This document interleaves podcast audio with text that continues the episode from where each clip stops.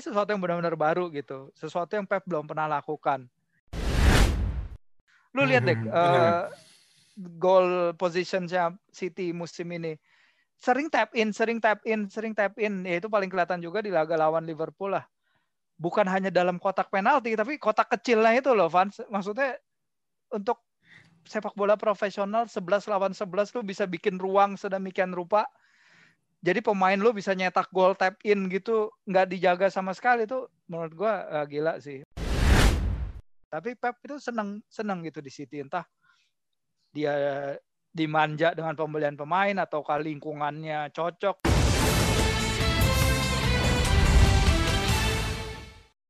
Kembali lagi di Super Soccer Podcast. Halo semuanya, apa kabar? Semoga dalam kondisi yang tetap sehat, tetap ceria, tetap tetap apa ya, tetap bisa menjalankan aktivitasnya dengan baik gitu sehari-hari. Uh, di episode kali ini tentunya gue tidak sendiri. Uh, gue ditemani oleh salah satu jurnalis kawakan uh, dari media bola besar yang mungkin dulu ketika kecil sering lihat namanya gitu kan. Uh, Mas Firzi Idris dari Kompas.com. Halo Mas. Eh, Vans, apa kabar? Apa kabar teman-teman semua? Mas, baik-baik Mas, sehat? Eh, sehat, alhamdulillah. Alhamdulillah. Oke, di sini gue sama Mas Firzi di episode kali ini hmm. bahas satu tim yang uh, tiba-tiba ngebut gitu di Premier League. Awalnya tertati-tati, tapi terus tiba-tiba entah di mana. Tancap gas. Dan terus kaitan yeah. tidak terkejar lagi yaitu Manchester City. Ini ketika kita take in, City tadi subuhnya baru menang ya. Kemenangan ke. 17 secara beruntun di seluruh kompetisi. Lagi-lagi. Mm-mm. Mas nonton lawan Everton? Itu udah saking banyak kan rekor yang pecah loh. Gue aja sekarang sampai susah juga nge-track apa aja rekor yang mereka pecahin loh, Fans. Wah itu sih memang. Yang terkini tuh jum- jumlah ya? kemenangan di awal musim kan, yang baru aja mereka pecahin. Hmm. Eh, di seluruh kompetisi? Iya. Di awal tahun, sorry. Oh, di awal kemenangan tahun. di awal tahun kalender. Hmm. Ya, memang. Jadi memang banyak banget lah. Sangat luar biasa sih. Saya jujur aja oh, iya. tidak menyangka sih. bukannya Betul. bukannya tidak menyangka bahwa ada tim yang bisa sebagus ini dalam kondisi pandemi seperti sekarang jadwal padat gitu doang ya. Tapi uh, Hmm. maksudnya melihat dia Ya. tidak uh, bukan bukan cuma tidak terkalahkan lagi gitu rentetan kemenangan ini secara beruntun itu menurut saya levelnya kalau bisa dibilang ya sudah seperti Liverpool musim Ya. lalu kan di, di Betul. ya. Mm-mm. kalau Mas sendiri ngeliat apa sih kenapa gitu City di musim lalu hancur lalu di musim sekarang bisa sedikdaya ini Mm-mm. Well, hancur musim lalu nggak benar-benar hancur lah, masih oke. Lawannya aja yang terlalu kuat kan. Nah, kalau buat saya karena standar City itu sangat tinggi. Iya, standar Bagi City saya, 9 uh-uh. kekalahan soalnya. Iya. Jadi gini Van, sebenarnya yang buat gua menarik itu jadi selama satu setengah tahun ini terakhir ini sebenarnya kita lagi masuk di area di mana kita nggak tahu apa-apa soal Pep eh, dalam periode ini, ngerti nggak? Jadi Pep itu kan dari dulu dia selalu punya yang namanya siklus tiga tahun itu kan. Siklus tiga tahun itu yang berasal dari eh, ada namanya dulu pelatih Hongaria namanya Bela Gutmann. Mungkin yang paling terkenal dari dia tuh kutukan Bela Gutmann itu. Tapi iya Benfica. Jadi yang paling ditekankan oleh Bela Gutmann itu adalah kalau biasanya pelatih dalam level tertinggi itu punya siklus. Jadi siklus itu dia nggak bakal bertahan lebih dari tiga tahun. Apalagi kalau cara bermain timnya sangat-sangat intens. Jadi sangat intens dalam artian high pressing, transisi main bola cepat, high defensive line. Biasanya pemain pelatih-pelatih yang kayak gitu jangka umurnya terbatas di klub mereka. Sebut aja Rinus Michel di Ajax tahun awal 70 sampai 73. Terus habis itu Arrigo Sacchi di Milan. Jadi umurnya pelatih-pelatih ini ba- terbatas karena pemain-pemain mereka burn out biasanya Hmm. setelah uh, tiga tahun. Kita lihat Barca tahun keempat di bawah Pep kan juga ya udah udah coming apart lah banyak yang nggak berjalan seperti biasa seperti normalnya tiga tahun pertama Bar, eh, Pep di Barca Hmm. makanya dia ambil hiatus kan Habis itu dia di, di Bayern juga tiga tahun. Habis itu dia tadinya mau istirahat lagi, tapi City manggil. nah, dia sekarang ini udah mau memasuki tahun kelima ya kalau nggak salah ya. Jadi udah empat setengah tahun sekarang dia. Ini sesuatu yang benar-benar baru gitu. Sesuatu yang Pep belum pernah lakukan biasanya dia itu dia sendiri burnout kan makanya dia itu yang tadi saya bilang dia istirahat dia pergi ke New York kalau nggak salah ya habis selesai dia di Barcelona dia refreshing gini-gini tapi Pep itu seneng seneng gitu di City entah dia dimanja dengan pembelian pemain atau lingkungannya cocok dengan uh, Siki Begiristain dengan uh, direktur-direktur lain yang uh, berasal dari Spanyol juga gitu banyak yang berasal dari mantan klubnya juga Barcelona. Uh, kalau sekarang kita lihat, jadi Bella Goodman itu bilang antara lu pelatih itu pindah untuk nyari petualangan lain atau dia transisikan timnya, dia ubah terus timnya agar uh, nggak stagnan gitu loh, hmm. ngerti kan? Evans pasti nggak ngerti lah kalau lihat uh, perubahan apa ini maksud kayak Sir Alex, Sir Alex ya, bikin, betul. at least dia punya tiga tim kan, tiga tim hebatnya Sir Alex kan jadi itulah jadi yang kita lihat sekarang ini adalah sesuatu yang baru dari Pep mungkin sesuatu yang juga di luar zona nyamannya gitu karena dia belum pernah uh, sebelum ini merasakan berkompetisi segini lama di suatu klub. Dia sekarang udah 270 pertandingan di City. Itu dia paling banyak. Sebelum ini dia paling banyak di Barcelona 247 pertandingan. Uh, kita lihat hal yang paling menarik dari perubahan skema dia sih Eh, soal apa ya dia mulai ada pragmatismenya ya fans ya kalau gue bilang sih. Hmm. dari tim yang tadinya menang 5-0 7-0 menang-menang gede terus dia akhirnya sekarang bisa puas dengan menang 2-0 1-0 1-0 2-0 bahwa hasil itu datang duluan gitu perkara bahwa dia bisa Eh, nggak bermain secantik dulu itu belakangan. Itu soalnya itu terlihat banget. Ya kalau kita lihat awal musim lah. Sebenarnya awal musim gue juga sempat bilang sih di acara lain kalau penantang terbesar si Liverpool musim ini waktu itu gue bilang si gua eh, si Manchester City dan Guardiola. Tapi waktu itu gua, uh, wawancaranya itu sebelum Manchester City lawan Leicester itu loh fans. Hmm. hmm, hmm. Yang 25. Yeah, yeah malu banget maksudnya anjir habis itu habis itu mereka ditahan Leeds habis itu mereka lawan West Ham nggak bisa menang tapi itu memang ditahan Liverpool satu-satu sorry periode itu memang sangat mengejutkan sih buat saya pun iya iya iya benar kita kita ngerti tahu banget. kita tahu City kalau melihat dari musim lalu memang sebenarnya ya kita tidak bisa mengharapkan perubahan yang maksud saya uh, tiba-tiba langsung tampil benar-benar kayak dia pas nyetak rekor 100 poin gitu loh tapi kita kan juga nggak menyangka bahwa akan seinkonsisten ya. itu pada awal musim Betul. Itu ya siapa sih yang bisa nebak sama pasukan Brandon Rogers di kandang sendiri kan? Habis itu ditahan Leeds yang ya memang Guardiola naruh penghormatan besar lah quote unquote ke si yeah, Bielsa Bielsa sebagai mentornya tapi tapi untuk bisa ditahan sama tim promosi satu-satu kan hitungannya enggak banget gitu loh. Jadi uh, untuk mereka bangkit lagi habis dari situ sih emang apa ya? Benar ini enggak enggak banyak yang pertama nggak banyak yang nyangka mereka akhirnya turun sampai posisi itu, sampai akhirnya mereka dilupakan kan sebenarnya dalam tanda kutip. Betul. Waktu itu ngomongnya udah Liverpool lagi, Liverpool lagi, Spurs, Mourinho-nya lagi naik banget kan awal musim tuh. Hmm, saya ingat gila-gilaan. Urutannya itu Liverpool, hmm. Spurs, Leicester sempat kayaknya. Terus Chelsea, Betul. MU, sekarang City. Nah iya, apalagi Mourinho waktu itu bawa menang lawan United lo itu kan menang 6-1 kan di Old Trafford, jadi semuanya apakah ini tahunnya Mourinho gitu loh. Terus apa ya? Kalau mereka kalau gue lihat lagi nih pekan ke-16 itu City itu masih peringkat ke-8, Bang. Masih maksud itu jauh banget di bawah. Jauh, jauh. Terus habis itu mereka itu ke, waktu itu dapat cuma 26 poin dari 14 laga. Itu jelek banget lah. Sementara Liverpool pada pekan ke-16 mereka ada di puncak uh, dengan 33 poin walau emang udah 16 pertandingan jadi dua pertandingan lebih banyak ya.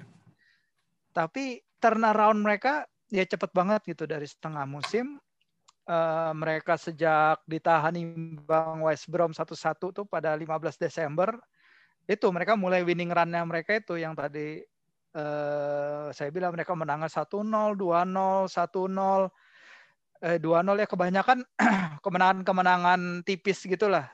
Walaupun mereka emang berhasil menang 5-0 lawan West Brom, terus ada 4-0 lawan Crystal Palace, tapi mayoritas mereka hanya uh, results duluan, baru kemudian uh, uh, permainan cantik. Udah gitu kita harus ingat bahwa mereka main nggak ada ini ya, nggak ada Aguero dan juga KDB yang keluar masuk tim gitu karena dia cedera benar. Siapa yang nyangka bahwa solusi dari uh, eh, KDB nggak ada itu dia mainin Gundogan sebagai false nine, bukan false nine, tapi gelandang serang yang menusuk dari posisi sentral, Betul. tapi juga memainkan Joao Cancelo sebagai ibaratnya playmaker lah. Hmm. Ini juga nih yang gue uh, pengen bilang juga Van soal menemukan kembali uh, tim ini gitu loh.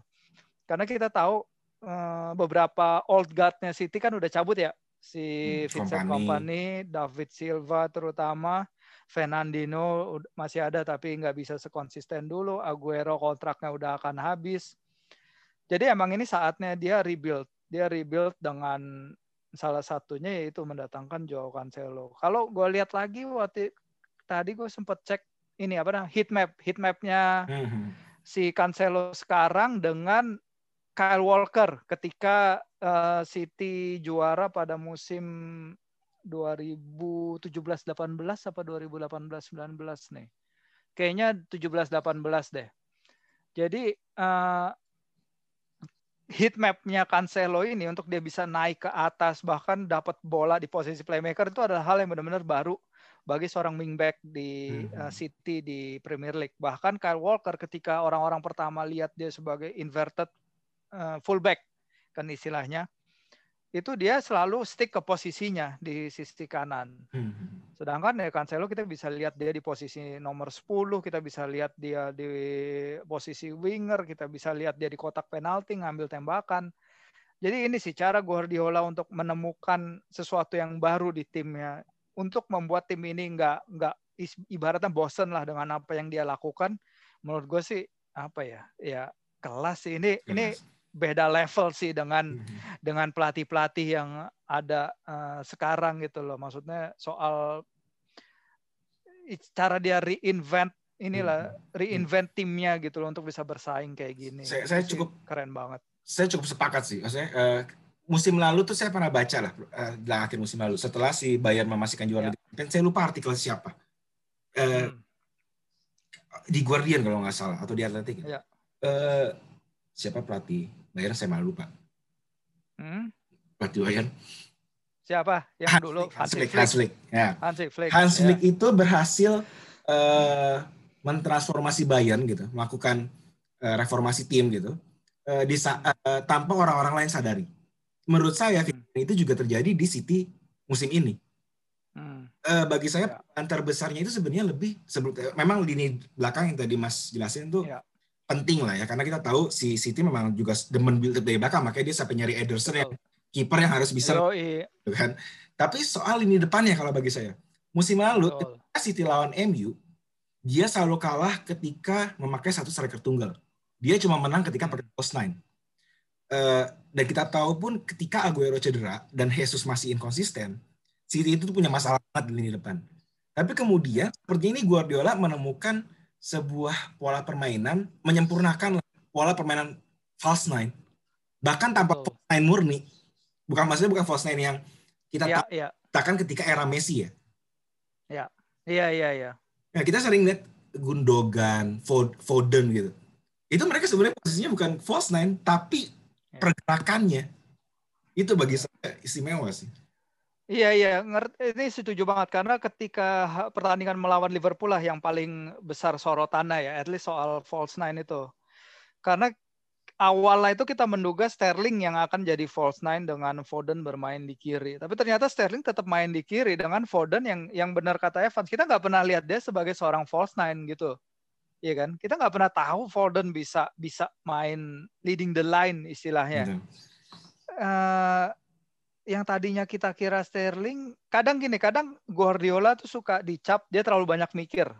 Seperti hmm. ketika uh, City kalah lawan Lyon di Liga Champions musim lalu kan, dia tiba-tiba make apa, make tiga back, apa make tiba-tiba dia suka ribet sendiri hidupnya gitu loh fans tiba-tiba dia suka bikin formasi yang orang lain nggak nebak dia sendiri nggak nebak jadinya berantakan gitu tapi benar kalau soal false nine ini adalah sesuatu yang muncul karena pertama karena keharusan sih pasti Betul. karena Gabjas juga dia sejak pulih dari covid juga ya mungkin juga sepanjang karir di City dia belum bisa buktiin dia has what it takes gitu loh untuk Betul. bermain secara konsisten leading the line bagi City walaupun kalau dia masuk dia bisa buktiin gue ada gunanya loh gue nggak sepenuhnya busuk gitu tapi dia pakai kekuatan tim yang terutama adalah uh, attacking wide players yang dia punya kan. Bernardo Silva sekarang cepat jadi favorit dia nih.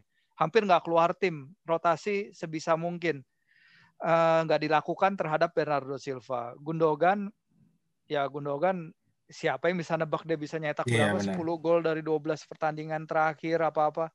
Pas di Dortmund dulu gue kira tuh Guardiola salah ngambil pemain dari Dortmund. Awalnya nih, awalnya ketahuan Harusnya banget gue nggak ngerti apa-apa soal Bundesliga karena waktu itu ada anak muda juga yang mainnya bagus banget, namanya Julian Weigel. Sekarang di Benfica. Eh, eh, Tapi ternyata si Guardiola, dia jangan salah, Gundogan itu adalah pembelian pertama Guardiola ya di sini. Ya, Jadi emang dia udah punya mata banget nih, nih orang udah punya mata banget soal pemain. Jadi uh, apa yang dia lakukan tadi terhadap cara dia reinvent barisan depannya juga itu bikin bikin banyak tim kewalahan gitu. Karena mereka nggak ngerti jaga siapa kan barisan belakangnya. Dan yang menarik ini pemain-pemainnya City ini selalu golin dari dalam kotak 6 yard deh. Lu lihat deh uh, goal positionnya City musim ini. Sering tap in, sering tap in, sering tap in. Ya itu paling kelihatan juga di laga lawan Liverpool lah bukan hanya dalam kotak penalti tapi kotak kecilnya itu loh Van maksudnya untuk sepak bola profesional 11 lawan 11 lu bisa bikin ruang sedemikian rupa. Jadi pemain lu bisa nyetak gol tap in gitu nggak dijaga sama sekali itu menurut gua uh, gila sih emang eh. keren ya ya kita selalu kenal Guardiola yang dulu dia lapangan Bayern dia bagi-bagi ya, gitu kan? Uh, itu emang soal positioning menurut gua dia emang bisa mendorong para pemainnya untuk nyari position yang nggak bisa dikalahkan tuh hebat sih gue bilang. Mas ingat gak Ongri itu pernah ngomong bahwa Ongri ketika itu ngejelasin ketika dia dilatih Guardiola. Terus dia ngomong bahwa tugas pemain itu dikasih oleh Guardiola cuman eh tugasnya Guardiola adalah membawa pemain ke final third. Setelah di final third uh, urusan hmm. gitu. Tapi kalau kita ya. memang gaya permainannya City, bahkan sejak musim lalu lah kalau diperhatiin ini pemain-pemainnya winger-winger itu sering banget cutting inside terus kasih bola ke tengah. Ya. Itu memang kayak sudah paten dulu main kalau main begini ya. Ntar kalau tim lu eh, teman lu masuk kemari eh, yang si ini masuknya kemari, lu diam di sini kayak gitu-gitunya lu. Itu ya. Eh, Guardiola tuh menurut saya ke, ngelihat hasilnya kayak gini ya udah ya. banget. Jadi gini juga, uh, bener banget itu bagaimana cara winger-wingernya City tadi masuk ke dalam, tapi para pemain yang lain itu bisa bikin forward runs yang benar-benar menarik uh, back-back pertahanan lawan. Kayak Cancelo atau Kyle Walker atau Zinchenko di kiri, mereka bisa stretch pemain bertahan lawan keluar dari posisinya hingga bisa dieksploitasi. Tapi ini bukan apa ya? Bukan menurut gue ini bukan sesuatu yang terjadi tanpa dilatih gitu. Karena waktu itu pernah ada artikel di Athletic bagaimana City itu punya Guardiola tuh kayak punya semacam reset button nih soal positioning pemain. Jadi dia tuh uh, dibilang punya instruksi khusus kepada Sterling atau pemain lain yang ada di lapangan. Tapi biasa Sterling karena Sterling kan kapten sekarang. Di mana penempatan dia seharusnya berada. Jadi kalau dia udah pencet reset button itu, yang tadinya kalau lagi posisi laga lagi kacut kacrut-kacrutnya lagi banyak serang serangan-serangan dari kedua tim, dia minta selling berad diam di titik itu. Teman-teman yang lain udah ngerti dia ada di mana. Hmm. Jadi Sterling itu kayak patokan di lapangan gitu loh. Itu dia drill berkali-kali katanya di lapangan latihan. Jadi soal positioning ini emang udah bukan main-main gitu karena dia tahu banget ya sepak bola apa ya sepak bola kan ilmu untuk mencari ruang kan sebenarnya Betul. bagaimana lu bisa nyari ruang untuk hmm. mencetak gol bagaimana lu bisa eksploitasi ruang untuk nggak dijaga bagaimana lu bisa memanfaatkan ruang untuk menemukan posisi memberikan assist gitu loh. Jadi emang masternya sih sekarang at least dari yang gue perhatikan ya mungkin masih masih uh, si Pep ini karena kalau kita lihat Liverpool dan Jurgen Klopp juga sebenarnya nggak nggak serumit ini, sesophisticated ini gue bilang gitu loh. Ya kita oke okay lah kalau kita katakan Andrew Robertson dan Trent Arnold mendefinisikan kembali cara menjadi uh, back sayap dengan menyediakan berapa belas assist tuh, berapa puluh assist yang mereka punya sekarang. Itu oke, okay. tapi biasanya assist-assist mereka konvensional ya dalam tanda kutip ya fans ya. Uh, ya mereka kasih penetrasi dan kemudian memberi umpan silang umpan silang yang akurat. Kalau kita lihat apa yang dilakukan oleh Zinchenko, apa yang dilakukan oleh Cancelo, apa yang dilakukan oleh Kyle Walker, bukan itu bukan hanya butuh pemain yang atletis, tapi juga pinter sih gue bilang. Dan gue nggak nyangka aja gitu pemain kayak Cancelo yang dari dulu nggak kelihatan apa-apanya di Juventus gitu loh. Maksudnya oke okay, dia mungkin ada ada bakatnya, tapi siapa sih yang bisa lihat dia tiba-tiba bisa jadi playmaker kayak gitu atau Zinchenko. Zinchenko kan datang ke Academy City sebagai pemain tengah. Tiba-tiba Guardiola pasang sebagai back. back kiri aja gitu ya. Ter, terserah dia tapi dia emang ngerti gitu apa yang dibutuhkan timnya dan apa yang pemain itu sendiri bisa lakukan. Menurut gue ini ini oke okay sih. Gue bilang bagus banget. Sebenarnya itu dia sering melakukan itu kan? I, I, contoh paling paling menurut saya paling inilah paling yang di top of mind saya ya Martinez jadi back ketika di Bayern. Iya, ya setuju, benar. Dan dari itu, ketika itu Martinez mainnya bagus gitu loh jadi back. Iya iya iya, ngerti. Itu emang bagus, tapi kan kalau kita lihat lagi emang gelandang sentral, gelandang bertahan jadi back tuh kayaknya apa ya? Uh, progresi yang mungkin terjadi ya nggak sih?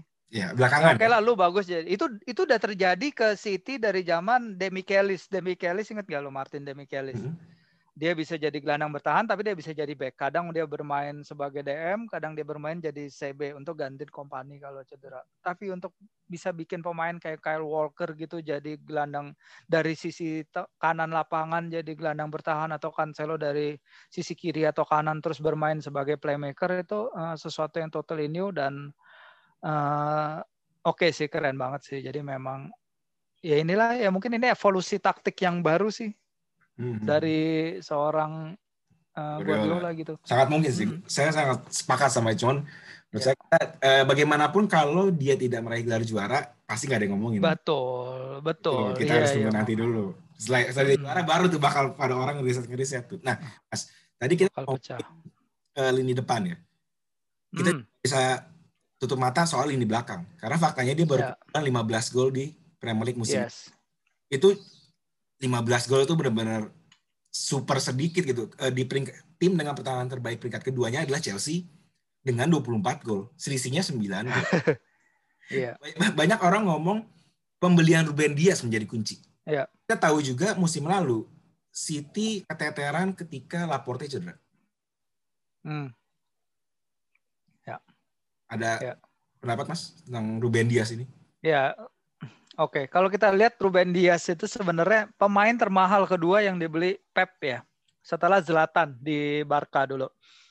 Jadi emang dia punya sesuatu nih sama back tengah nih. Tadinya Ruben Dias, terus urutannya Ruben yang termahal di situ sekarang Ruben Dias, Riyad Mahrez, Amerik Laporte, baru uh, Joao Cancelo.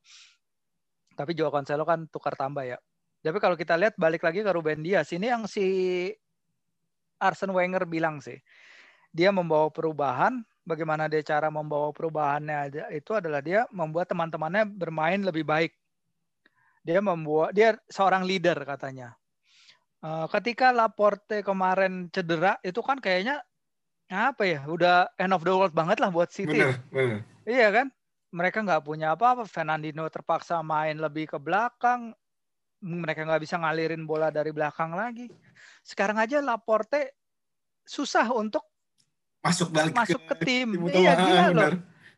Maksudnya siapa yang nyangka gitu pemain yang benar-benar bewanya di lini belakang dulu habis itu sekarang susah masuk tim. Nah ini juga gara-gara si Diaz datang, John Stones naik penampilannya. Ya, iya itu juga. Gue penasaran loh. Ingat bener, ingat banget itu dulu pas Liverpool pas City kalah 3-1 lawan Liverpool itu si Johnston sempat di Anfield yang musim lalu apa dua Mhm. musim lalu gitu.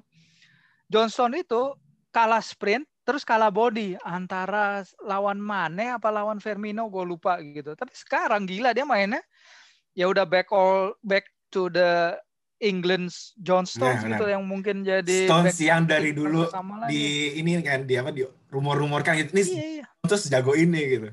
digadang-gadangkan bakal jago tapi ya ternyata baru sekarang ini dia muncul ya itu perubahan yang muncul tuh gila banget sih entah itu kayak emang karena kehadiran Ruben Dias semata atau sesuatu yang dia lakukan di lapangan latihan gitu loh karena tadinya gua kira pemain yang bisa gantiin Laporte kalau dia cedera itu si Nathan Ake kan Nathan Ake sekarang Betul. udah hampir nggak kedengeran kayaknya si Guardiola nih rada kesel sama Nathan Ake karena ketika yang pas tadi itu lawan Leicester. Jadi ada momen beberapa kali ketangkep di kamera ketika Guardiola minta Ake untuk pertahankan possession, dia malah buang-buang jauh. Yang ujungnya bola balik lagi, terus eh, bikin Jamie Vardy nyetak gol. Itu kayaknya dua kali kejadian. Kayaknya sejak itu trustnya Guardiola ke Ake ini terbatas banget gitu. Jadi dia akhirnya jadi pilihan kesekian di di eh, di lini belakangnya City. Tapi ya itu dia benar. eh, Ruben Dias membawa perubahan oke, tapi kita juga harus ingat dia datang dengan bandrol yang nggak murah ya, Ya, fansnya sih, hampir betul. 70 juta eh, euro. Jadi memang Cuma mungkin hmm, karena dia ya bukan ada Inggris, harga ada rupa lah. Hmm? karena bukan orang Inggris jadi hype-nya nggak gede gitu ya. Benar, iya nggak nggak nggak terlalu digede-gedein. Padahal Lihatnya sih Maguire dikit-dikit diomongin palanya gede. Ya, iya. Gimana kapten lo itu? ha? Kemarin sih hampir golin, iya oke hampir golin, tapi secara keseluruhan kan aneh dia. iya, yang sebelum gol itu kan dia ada satu blunder yang hampir jadi It- satu. i- Aduh. iya, yang dia nahan-nahan pemainnya itu kan, Heeh. Nahan-nahan pemainnya terus habis itu kecolongan aja. Itu udah berapa kali terjadi loh. Yang pas lawan Everton dia juga kayak gitu kan? Nih, Yang tuh kecolong- memang belum belum terlalu apa ya ibarat. Kalau kita ngebayangin back tengah jago kan kita mikir mungkin Maldini, Kompani yang benar-benar tenang Van Dijk gitu loh. Nah, Maguire memang belum itu gitu loh. Eh, back termahal dunia lah. Udah harusnya jaminan dong. Salah salah beli back Inggris kita. Dulu kan Stones Lebih mahal sempat diisukan. dikadalin lagi. Aduh. Eh, Mas, Iya makanya. saya bilang Stones sama Diaz ini duet back tengah terbaik dunia. Sepakat ya? dunia ya. Hmm, kita bicara- karena As of now ya, gitu. Kita nggak tahu akhir musim gitu. enggak ya karena pesaingnya juga siapa gitu. Kita lihat City, eh sorry City. Kita lihat hmm, Real Madrid lah. Real Madrid dulu benchmarknya back tengah terbaik si Sergio Ramos. Sergio Ramos pasangannya Varane lagi ngaco, si siapa tuh back yang Brazil itu yang dari Porto Hmm, juga belum Ederson ya? No, bukan bukan Ederson. Itu juga dianya belum bisa kemarin berapa kali error ketika Eder lawan Militao. Eder Militao ya ketika lawan Shakhtar juga dia rada kacau. Kalau kita lihat Bayern maybe Bayern, maybe Alaba ya bisa main sebagai back tengah, tapi kan kita lihat juga kemarin pas di final si Schule masuk tapi dia baru sembuh dari cedera. Jadi ya kalau pairing secara kalau maksudnya memang pairing one on one gitu sih kayaknya ya sekarang lagi bagus-bagusnya mereka ya. Mhm. Barcelona nggak usah kita bahas lah. Clement Langley itu aduh kacau banget. Udah. Itu sedih banget loh nonton. di back-backnya juga sering gonta-ganti dia Mhm. Oke, Eh, Mas. iya itu eh, sih Selain Diaz dan Hmm. Stones yang Stones sih yang menurut saya memang eh, apa ya meningkat banget lah gitu ya. Hmm. Eh, nama satu lagi tentu tadi udah disebut Mas juga Gundogan. ya Ini pemain tuh tipe pemain seperti apa sih sebenarnya? Saya kira dia cuma cek ya, biasa loh. Maksudnya di Dortmund mereka sering maju, tapi dulu di depannya ada Götze dan jauh lebih menonjol. Ya Dan sekarang iya benar Gundogan bisa seeksplosif ini. Bahkan kalau saya ngeliatnya dia masih ada, kecenderungan dimainkan sebagai box to box walaupun bukan box to box tipenya Yaya ya. Iya. Jadi emang dia sangat di mainnya maju banget ya. Pertama maju banget, nggak seperti eh, musim-musim sebelumnya. Bahkan dia bisa dibilang udah mulai ninggalin eh, peran box to box itu, walaupun nggak nggak sepenuhnya ya nggak sepenuhnya. Dalam artian dia sekarang lebih dibutuhkan di lini depan ketimbang dia di belakang. Kalau kita lihat coba kita lihat lagi nih uh, heat map media sepanjang musim ini. Kalau sepanjang empat pertandingan terakhir sih emang fix dia mainnya rada ke depan. Nah ini kalau hmm. kita lihat jadi gini empat pertandingan terakhir terutama setelah KDB cedera dia emang perannya sedikit maju lebih maju kelihatan banget dari heat mapnya. Sisi kiri tapi lebih mendekati posisi winger ketimbang garis tengah. Hmm. Tapi kalau kita lihat secara overall musim ini, heat map dia itu lebih ke garis tengah dan terutama center circle juga. Jadi memang ada evolusi permainannya dia dinaikin karena kebutuhan tim. Karena kalau kita lihat Van sebenarnya City nggak punya pemain yang benar-benar bisa jadi kayak KDB ya posisi number 10 itu ya. Betul. Lihat Mahrez enggak, Bernardo Silva enggak, Phil Foden mungkin dia lebih nyaman main di uh, sisi luar gitu loh. Kreatif, kecepatan dan kreativitas dia bisa hilang kalau terlalu dipaksain main ke tengah. Makanya selain KDB untuk pemain yang benar-benar di posisi number 10 ini kayaknya nggak ada. Nah Gundogan ini ya itu dia maju sebagian karena kebutuhan tapi sebagian juga karena kreativitasnya Pep gitu. Nah, kita lihat gol-golnya bagus-bagus kok, tenang-tenang. Oh, Yang golnya lawan siapa tuh yang dia ngontrol Davinson Sanchez yang sampai jatuh itu yang jadi meme? Itu kan kontrolnya gila. Kontrol dan gocekannya. Nahan bola lambung sekali pakai kaki kanan gocek nembak pakai kaki kiri itu kan keren banget. Jadi ya ini dia makanya. Suatu peran pemain yang nggak pernah kita sebagai penonton dan pecinta bola kita bisa tahu tapi ya Pep lihat di lapangan sehari-hari bahwa dia ini ternyata oke. Okay. dan dia ball retentionnya bagus nih. Sekarang lihat uh, persen successful passnya sih Gundogan sepanjang musim 91 persen. Final third juga sama. Persen successful passesnya Gundogan se sepanjang musim di final third lawan itu 90 persen loh. Gila. Dia hampir nggak pernah kehilangan bola dalam artian. Ini angka-angka apa ya? Angka-angka playmaker kelas dunia ini bukan abal-abal Gitu. Sebenarnya saya nggak apa gimana ya? Kalau kita ngeliat sejarah Gundogan sebenarnya eh, agak wajar dia baru muncul sekarang karena cederanya ACL gitu. Parah. Hmm. Hmm. hmm. Tapi dia sampai selevel ini tuh bener-bener out of my mind sih. Ya. Memang dia dia ada sedikit exit expectation karena kalau kita lihat uh, eh, XG-nya tahu XG kan maksudnya? Nah, uh, ekspektasi gol dia berbanding ke kesempatan yang dia gol yang dia dapat berbanding kesempatan yang dia dapat untuk mencetak gol itu sebenarnya plus 3,91 ini gede. Jadi plus 3,91 ini delta namanya delta XG ini menunjukkan bahwa dia ini sekarang lagi nyetak gol lebih banyak dari apa yang diharapkan darinya. Hmm. ini menurut metriknya Opta. Jadi memang dia itu ya lagi on fire istilahnya. Tembakan-tembakan dia masuk tembakan-tembakan yang kita nggak nyangka dia bisa nyetak gol. Dia dia uh, nunjukin itu gitu. Dia dia bisa nyetak gol dari kesempatan-kesempatan sedikit yang dia dapat jadi memang ini mah orang ya lagi gila lah lagi hmm. on fire juga susah dijelasin. Tapi sekarang ya, dia cedera kan? Betul. Nah, yang, jadi yang menarik sekarang itu kita lihat lagi nih. Yang menarik itu juga eh, kan mungkin katanya tapi sebenarnya cedera dia nggak parah jadi ada kemungkinan iya. mereka balik. Yang Tapi KDB udah balik, betul, jadi sama aja. Betul. Semalam KDB udah udah main. Kalau udah misalnya balik, KDB iya. main, apakah Gundogan bakal kira-kira bakal memainkan nah. yang sama? Pasti. Pasti karena ini kelihatan juga di laga-laga sebelum eh, KDB injured terutama ketika melawan siapa ya pokoknya gue main FPL ada pertandingan di mana gitu sekitar game week 18 kalau nggak salah di mana semua orang pada pakai free hit uh, chipnya free hit. Jadi kesem jadi si KDB itu main, Gundogan juga main. Kalau ada KDB biasanya Gundogan main rada melebar. Hmm. Rada melebar kiri di belakangnya. Di belakangnya KDB. Jadi artinya mungkin ada shift formation sedikit atau Sterling mungkin bisa diubah formasinya, bisa diubah positioningnya antara lebih maju atau dipindah ke sayap satunya. Cuman itu susah juga karena di sayap kanan si Guardiola lagi suka banget nih sama Bernardo. Ya, betul. Sama, sama work ethic-nya Bernardo gitu sih. Kalau dulu mah sering disuap sama Mahrez ya. musim lalu. Iya, sekarang Mahrez juga dan Mahrez baru golin baru golin juga lagi kemarin ya, kan. Tadi.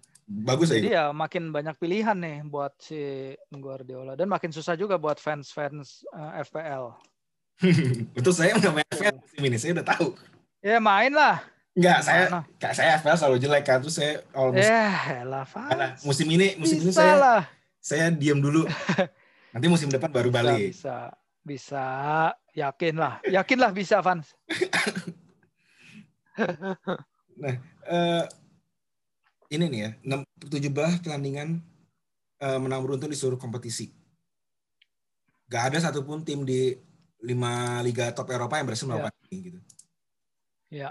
Pantas gak City dibilang tim terbaik Eropa saat ini? Saya bahkan kalau misalnya Mas nanya saat ini, menurut saya City juara champion. Hmm. Kalau saya. Nah ya masalahnya itu sih apa ya? Masalahnya itu tadi back, back to overthinkingnya si Pep aja sih. Kita mau lihat City gini gini gini. City bisa dilihat sebagai tim terbaik di Eropa kalau kita lihat semua underlying statistik, posisi mereka di liga, pencapaian mereka, rekor kemenangan, beruntun dan lain-lain. Tapi kalau dihadapin satu lawan satu, belum tentu kayak di Liga Champions belum tentu si City itu akan sedominan itu gitu loh. Hmm. Ngerti nggak sih? Kayak itu tadi, bagaimana sih Pep itu suka kadang-kadang dia overthinking kalau di Eropa karena karena apa ya? Karena bawaan kali ya dari dulu dia kayak Saya gitu. Saya tuh selalu ya. ngerasa kalau dia lagi bereksperimen tuh dia pengen nunjukin nih gue lebih jago daripada lu nih. Gitu tuh. Iya, jadi terlalu rumit gitu loh. Jadi kalau dibilang tim terbaik di Eropa sekarang ini kalau dilihat dari liga masing-masing yang mereka jalanin, iya benar. Uh, apakah City lebih baik dari Bayern Munich sekarang? Ya Bayern Munich kan lagi nggak nggak stabil ya uh, performanya. Kemarin aja lawan Bielefeld mereka ketinggalan berapa kali dua tiga dua kali, ketinggalan eh, akhirnya tiga tiga. tiga tiga tiga. Iya. Atletico Atletico lagi punya banyak masalah sendiri. Uh, pemain mereka banyak yang kena covid banyak yang kena cedera. Uh, Ligue A nggak usah dipikirin. PSG walaupun kemarin PSG menang gede ya yang mungkin hmm. nah ini apakah kalau misalnya tim Pep bermain lawan tim PSG kemarin yang ngalahin Barca apakah Pep bisa menghentikan uh, Neymar dan Mbappe dalam kekuatan terbaiknya. Belum tentu gitu loh. Itu maksudnya. Jadi kalau kita lihat liga-liga itu secara sendiri, secara masing-masing liga itu sebagai individu terpisah, pasti Pep dan City terbaik. Tapi apakah kalau dipertemukan di Liga Champions, Pep itu bisa membawa tim yang melewati rintangan-rintangan tim kayak Paris itu itu cerita lain, Van. Itu beda. Uh, nggak nggak sama. Ya kalau itu memang harus tunggu nanti sih. Menurut itu saya... memang harus nunggu nanti karena lawan Lyon aja bisa kalah kok. Kita nggak tahu yeah. apa yang bisa terjadi ke tim Pep di antar klub Eropa. Ya, itu itu upset of uh, last season sih. Iya benar. Lyon itu. Nah, tapi iya. kalau ini ya sebenarnya kan salah satu saya tuh bener-bener terkejut banget ini sama City itu yang bisa se konsisten di level tertingginya dia kayak gini. Karena kalau kita ngelihat hmm. semua liga, semua klub, pasti ada momen ketika klub itu turun Ya. Kita tahu situasinya kan liganya sendiri uh, tidak ideal ya jadwalnya begitu padat gitu kan karena karena karena pandemi ya. COVID-19 ini. Kalau saya sebenarnya bukan yang nggak mau saya nggak mau ini ya what if what if gitu ya tapi kan menjadi menarik kalau misalnya hmm. liga seperti normal dengan jadwal yang jauh relatif pemain istirahat lebih bagus segala macam hmm. ada kemungkinan sebenarnya City bakal lebih baik dong kita mungkin membicarakan musim depan lah gitu. Kalau kita uh, ya. menjadikan performa mereka saat ini sebagai dasarnya. Hmm. Nah gini, uh, bisa jadi begitu, bisa jadi si City kayak gini, ya ini justru kekuatan terbaik mereka keluar. Soalnya berapa banyak tim sih yang bisa punya pemain di bench sekuat City gitu loh, Vans. Hmm. Justru di sini bahkan Liverpool pun nggak nggak bisa nggak ada kedalaman seperti yang City tunjukin sekarang misalnya. Ya, betul. Coba kita tarik aja keluar. Kemarin City kehilangan uh, si playmaker terbaik dan mereka kehilangan si uh, striker terbaik. Misalnya kita tarik si Mo Salah dari tim itu, terus kita tarik Jordan Henderson dari tim itu. Bisa apa gitu loh Liverpool? Gak, mereka nggak punya pengganti yang bisa untuk menutupi inilah uh, makanya gue bilang bahwa uh, untuk punya kedalaman seperti timnya Pep ini ya memang nggak nggak semua klub bisa melakukan ya United juga siapa kalau kita lihat? Mereka juga pasti akan ya kalau misalnya Bruno Fernandes kenapa-napa aja. Misalnya Waduh. dia lagi itu. iya lagi naik mobil kecengklek gitu pas mau naik di, mobil udah kan habis. Dia dia kaki misalnya habis ke tackle ke lapangan saya bilang aduh celaka aduh celaka iya iya iya ya. karena saya tahu Bener. kalau ada Bruno habis MU ya Bruno FC toh ya apa-apa sama kayak dulu dulu kan Persi FC kita juara kita kira iya benar. Iya. Van Persie si ngehe tuh. Golin lawan Arsenal ngerayain lagi anjir ngerayain. Eh yang pertama enggak, yang pertama enggak. Siapa tuh suruh habis itu dikatain. Iya, tapi habis itu lupa kan. Masa satu pertandingan doang terus lupa. Dia kesel. Kesel dong Mas. Pembela lo. Coba bayangin, saya dia dia udah susah payah mau bertahan di Arsenal tahun-tahun, teman-temannya iya. pindah Iya, iya itu lagi jelek-jeleknya Arsenal emang. Kasihan sih Arsenal tuh emang. Kasihan karena harus jual ya, main. Dan City nggak iya. merasakan itu sih. Dan Guardiola juga tidak pernah merasakan itu sih. Iya, dan City ini nggak dalam posisi bahwa mereka terancam pemain-pemain terbaik mereka akan diboyong klub lain. Bahkan sekarang Liverpool pun lagi ngerasain uh, kerentanan itu, ngerti nggak sih? Iya, betul. Van Mau salah mulai diganggu-gangguin loh sama Rummenigge, sama hmm. Bayern dan Bayern bisa janjiin apa ya? Ya Bayern bisa janji mereka ya, juara sekarang juara bertahan, mereka bisa janji, mereka bisa janjiin gengsi di liga domestik mereka. Ya kita lihat aja karena udah saatnya juga buat si klub untuk refresh barisan penyerang mereka sih. Itu Firmansa udah main sejak 2017 loh udah lama. Jadi mereka memang udah uh, saatnya lah untuk reinvent. Coba kalau lihat penyerangnya City musim 2017-18 dari musim keduanya si Guardiola yang udah nggak ada David Silva, Leroy Sané, iya, Sané. iya, iya dulu masih ada Leroy Sané, David Silva, Sergio Aguero udah bentar lagi keluar, Raheem Sterling dulu emang ada tapi nggak terlalu ini sih. Jadi memang itulah, ya itu dia itu sering reinvent timnya itu tadi yang gue bilang. Saya memang sebenarnya Guardiola masuk City saya sudah memprediksi bahwa ini orang memang punya ambisi pribadi nih. Dia pengen menjadi legendanya City. Gitu. Di Barca dia nggak bisa. Walaupun ya kita tahu dia juara ya banyak gitu, tapi kita tahu Barca udah klub yang punya sejarahnya sendiri. Dia cuma menjadi salah satu bagiannya. Ya. Bayern pun demikian gitu. City ya. nggak ada gitu orang sebelum. Iya, nggak ya. ada ya. Dia bisa bikin sejarah nah, sendiri. Walaupun sempat memang ada ketika dia di akhir kontraknya sempat sempat ada kebingungan sih dia perpanjang kontrak nggak tapi kan faktanya dia kemudian memperpanjang kontrak gitu. Dan kalau ya.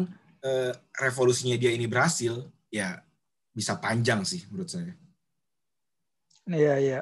Ya untuk bikin jadi legenda itu ya benar. Dan City kan selalu nekanin bagaimana mereka jadi klub di mana Guardiola uh, melatih terlama kan itu hmm. dalam setiap uh, materi dal, ketika Guardiola terakhir tekan tanda tangan kontrak hal itu yang selalu diungkit-ungkit gitu loh jadi mereka memang bangga juga gitu bahwa Pep berkomitmen ke City dalam hal di mana dia nggak pernah melakukan komitmen itu sebelumnya uh, bersama klub-klub lain. Jadi memang ini juga eranya eranya Guardiola nih sekarang kalau eranya Guardiola udah lewat siapa yang bisa gantiin gitu loh. Hmm. Itu yang pertanyaan menarik sih karena pertanyaan kan udah mulai keluar kan soal siapa yang mulai bisa gantiin Klopp mungkin dalam waktu dekat.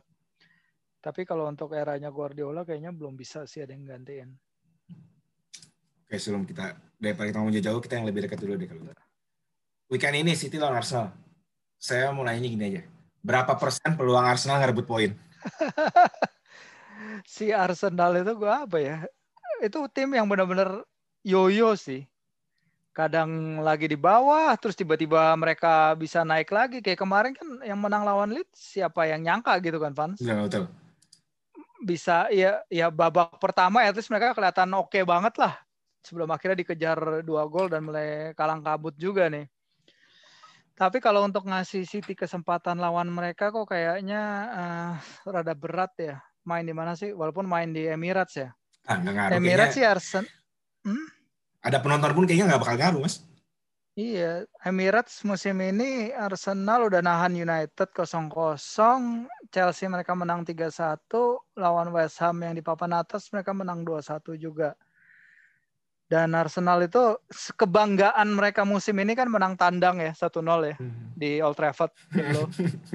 Jadi itu yang jadi kebanggaan yang mereka pegang-pegang. Mau musim ini kayak apa, mereka finish di papan bawah juga iya. tetap aja gue menang 1-0 di Old Trafford itu kebanggaan oh, yang mereka pegang. Ya MU memang timnya murah hati mas. Jadi kalau bagi mereka iya, iya, iya. kasih lah kesenangan itu. Sebagai fans Newcastle gue ngerti kok bagaimana tim itu harus murah hati memberi poin kepada lawan-lawan ngerti-ngerti banget gue rasain langsung soalnya. Jadi mereka kalah cuma 1-0 ya di Etihad. Tapi Arsenal ini susah ya lihat mereka bisa ngambil poin ya. Apalagi City-nya kayak gini. Cuman masalah City jadwal lagi padat kan, Fans habis ini mereka main ke di Champions League musim depan. Kan? Ya, hmm. Iya, Gladbach ya. Betul. Jadi ini dia. Ya kita lihat bagaimana Pep sistem rotasinya itu bermain lagi apa enggak dan pasti sih bermain. Oke, nah selain ro, uh, betul ya ya. Selain pertandingan Arsenal City, ada juga derby Merseyside, Mas. Ini nah. apa hype-nya tidak gede lagi seperti pertemuan mereka ini di awal pertama? Gila lo, uh, hype nggak gede gimana? Gara-gara Jordan Pickford itu Virgil van Dijk cedera tapi, anjir. Enggak, tapi tapi itu kalau kalau yang di pertemuan pertama Liverpool kan masih di atas dan Everton ketika itu ya. Masih orang gadang-gadang sebagai salah satu uh, bakal jadi kuda hitam. Ya. Gini deh, ini Keduanya rivalitas besar. Derby, derby itu nggak ngelihat klasemen. Lu tanya ke semua orang Liverpool, lu tanya juga ke semua orang yang pernah rasain pertandingan derby. Nggak peduli uh, posisi di klasemen. Jadi ini eh balik tapi sebelumnya balik dulu nih ke Manchester City. Jadi Manchester City hmm. habis ketemu Arsenal, ketemu Gladbach, ketemu West Ham yang notabene tim peringkat kelima, habis itu ketemu Man United ya. Itu, itu juga berat tuh. Jadi mereka uh, ujian mereka tuh sampai tanggal 6 Maret nanti. 6 Maret itu memang berat banget. Tapi kalau kita ngomongin derby, balik lagi. Derby Liverpool tuh salah satu derby yang paling gede sih di Inggris dan apa yang terjadi pada pertemuan sebelumnya, Pickford itu secara langsung menyudahi apa ya Yudahi. title challenge-nya Liverpool. Iya betul betul. Itu Pickford itu menjadikan Liverpool juara bertahan terburuk di Premier League gitu. Walaupun mereka emang dibilang satu pemain apa sih efeknya, tapi satu pemain ini Virgil van Dijk. Van Dijk betul, betul. Bener nggak bisa, ya, itu efeknya gede. Ini Derby ini gede uh, artinya sih buat buat fans Liverpool terutama. Dan sosok ada jadi ada sih ada sosok antagonis lah yang diperlukan dalam sebuah derby dan ini yang menarik gue bilang sih. Apalagi Ancelotti lagi naik turun juga kan ya. Yeah. Kemarin yeah. itu masih kurang ya mereka oke okay lah bisa bobol pertahanan City tapi kan sebelumnya mereka itu kalah, kalah ya juga kalah juga Iya iya, Fulham ya? Hmm. Yang si siapa? Uh, Simon Maja lah, Maja lah itu. Saya nonton. Oh, Josh Maja, Simon. Iya. Saya lupa dokumenter Sunderland itulah. Uh, iya iya iya iya yang ada di Sunderland Tilada itu kan. Uh. Iya itu dia makanya. Jadi hmm, se hype hype nya Everton dengan kedatangan si Hames dan juga performanya DCL tapi mereka perlu perlu lebih dari performa mereka sekarang sih karena benar-benar nggak konsisten banget. Hmm. Udah terakhir mereka menang itu tanggal 1 3 Februari ya lawan ya, Leeds. Jadi emang udah saatnya mereka menang. Tiga dan itu kemenangan lawan Leeds itu merupakan kemenangan satu-satunya mereka sejak 1 2 3 4 5 6 6 pertandingan. Jadi hmm. mereka emang nggak top form dan menurut gue Liverpool di dalam posisi bagus sih untuk melawan Everton apalagi setelah mereka bisa menang lawan RB Leipzig ya kemarin. Leipzig, betul.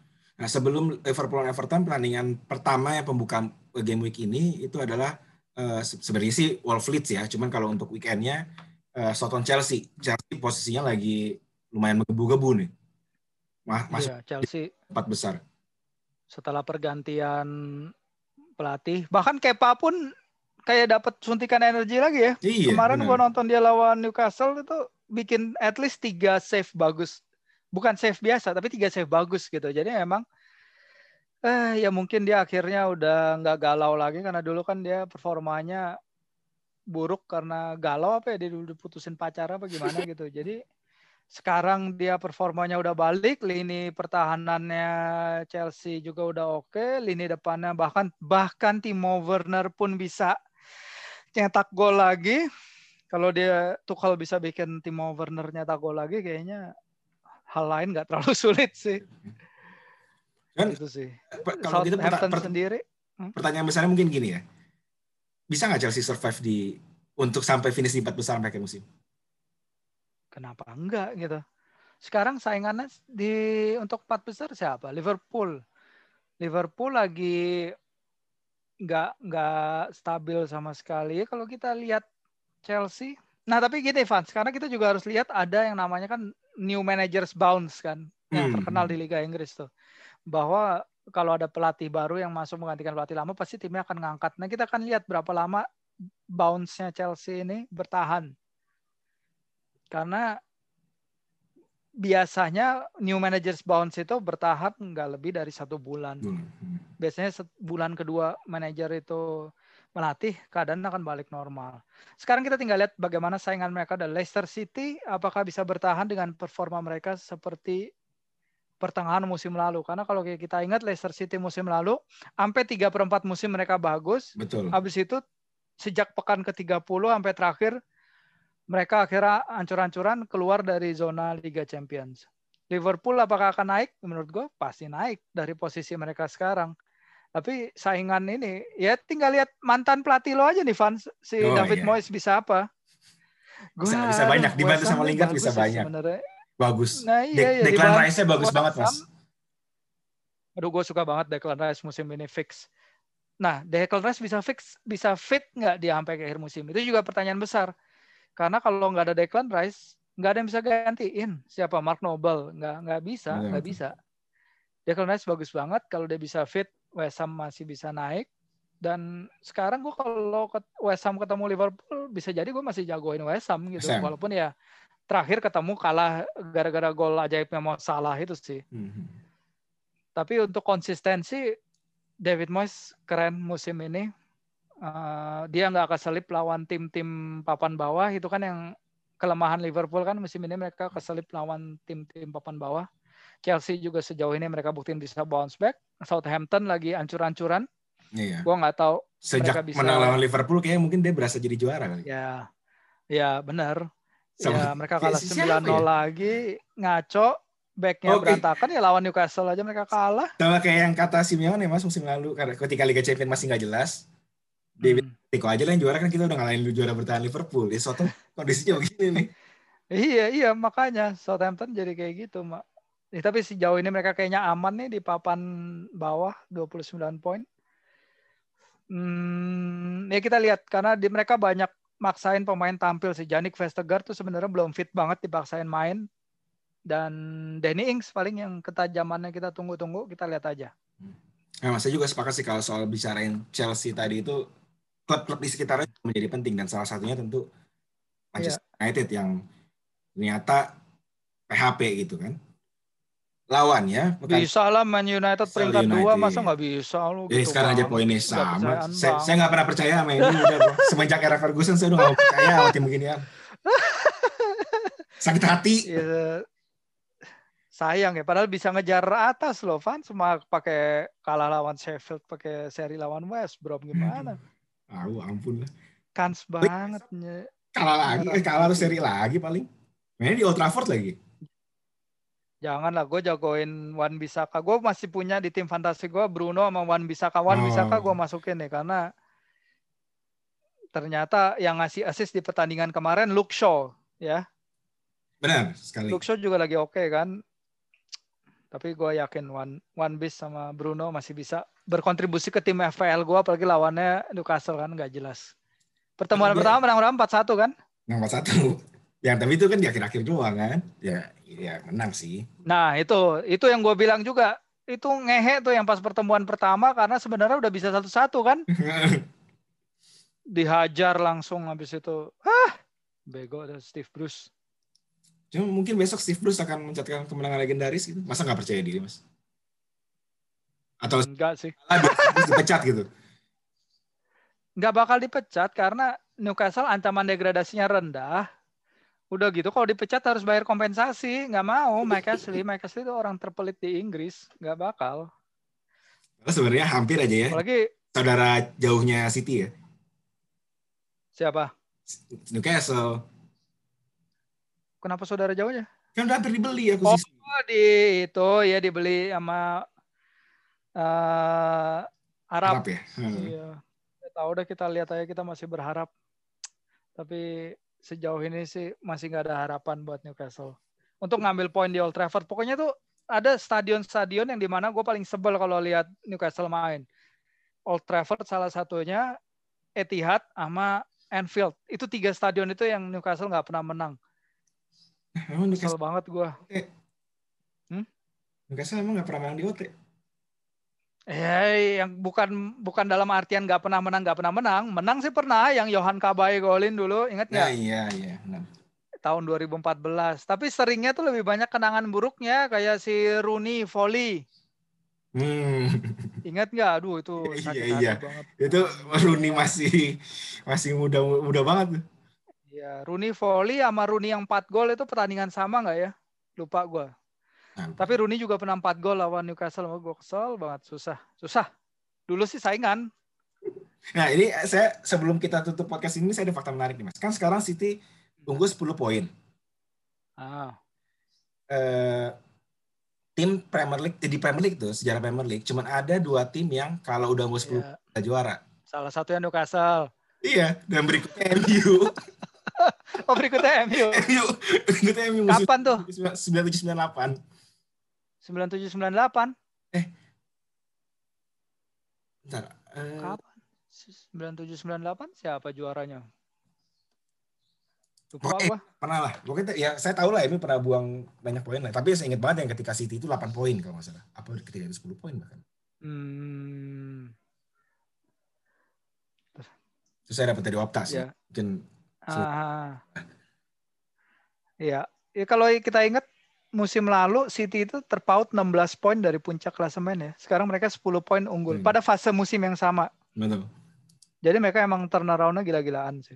Dan ditambah dengan Liverpool yang turunnya juga gila-gilaan tadi mereka sekarang menjadi juara Premier League, juara bertahan Premier League terburuk sepanjang sejarah. Tapi itu dari poin kan ya? Perolehan poin ya, Hmm. secara perolehan poin. Karena kalau peringkat saya ingat waktu itu masih dia masih belum se-Chelsea sih. Lah dulu kan United juga pernah kan yang musim pertamanya David Moyes yang sampai turun peringkat 8 Chelsea. itu kan 7. Tujuh Iya, finishnya Chelsea di bawah itu. iya kan? Chelsea yang Chelsea sempat ya. Chelsea yang Mourinho sampai ngumpet di Oh, dalam Oh, itu loh. yang berantem sama Diego Costa. Ya saya lupa lah. Pokoknya dia Iya nggak sih? itu udah carut marut banget lah. Yang dia Iya, awal itu udah kacau. Iya, iya. berantem sama yang apa? Yang dokter ceweknya. Oh, Eva. Nah, habis itu semenjak Eva. Mm-mm. Oh, itu ya. Itu yang terburuk ya, peringkat 8 ya? Iya, seingat saya sih itu. Oke, oke, oke. Menarik, menarik, menarik. Oke deh. Enggak lah. Eh, makasih banyak ya atas eh, informasi-informasinya, diskusinya sangat Sama-sama, Van. Senang sekali bisa. Semoga Mike Ashley bisa segera cabut dari Newcastle lalu kita bikin podcast edisi khusus. bisa, bisa. Loh, saya tadi Semoga. udah nyia- saya udah nyiapin loh episode khusus Newcastle kalau dia beneran diakuisisi. Gitu ya. Iya. Eh, Ya ini mau diakuisisi di blok sama tim-tim Liverpool, tim-tim lain. Salah satunya Liverpool, Spurs. Jadi kan mereka emang nggak ini aja, nggak nggak pingin ada pemain kayak City lain di Liga. Inggris, coy. udah kapok mas. Kapok yang ngasih ke City ya. kapok iya. Iya, iya, iya. Kapok ngerti sih. Cuman Bahkan kan, kan ibaratnya City, gitu loh. City sebelum dibeli sama Sheikh Mansur statusnya ada siapa-siapa. Iya, iya. Terus tiba-tiba jadi top gitu ya. Iya. Ngehe, ngehe. Oke, Kita sekali lagi makasih banyak mas ya. Sama-sama, Van. Thank you. Oke. Jangan ya. Yuk, ketemu lagi.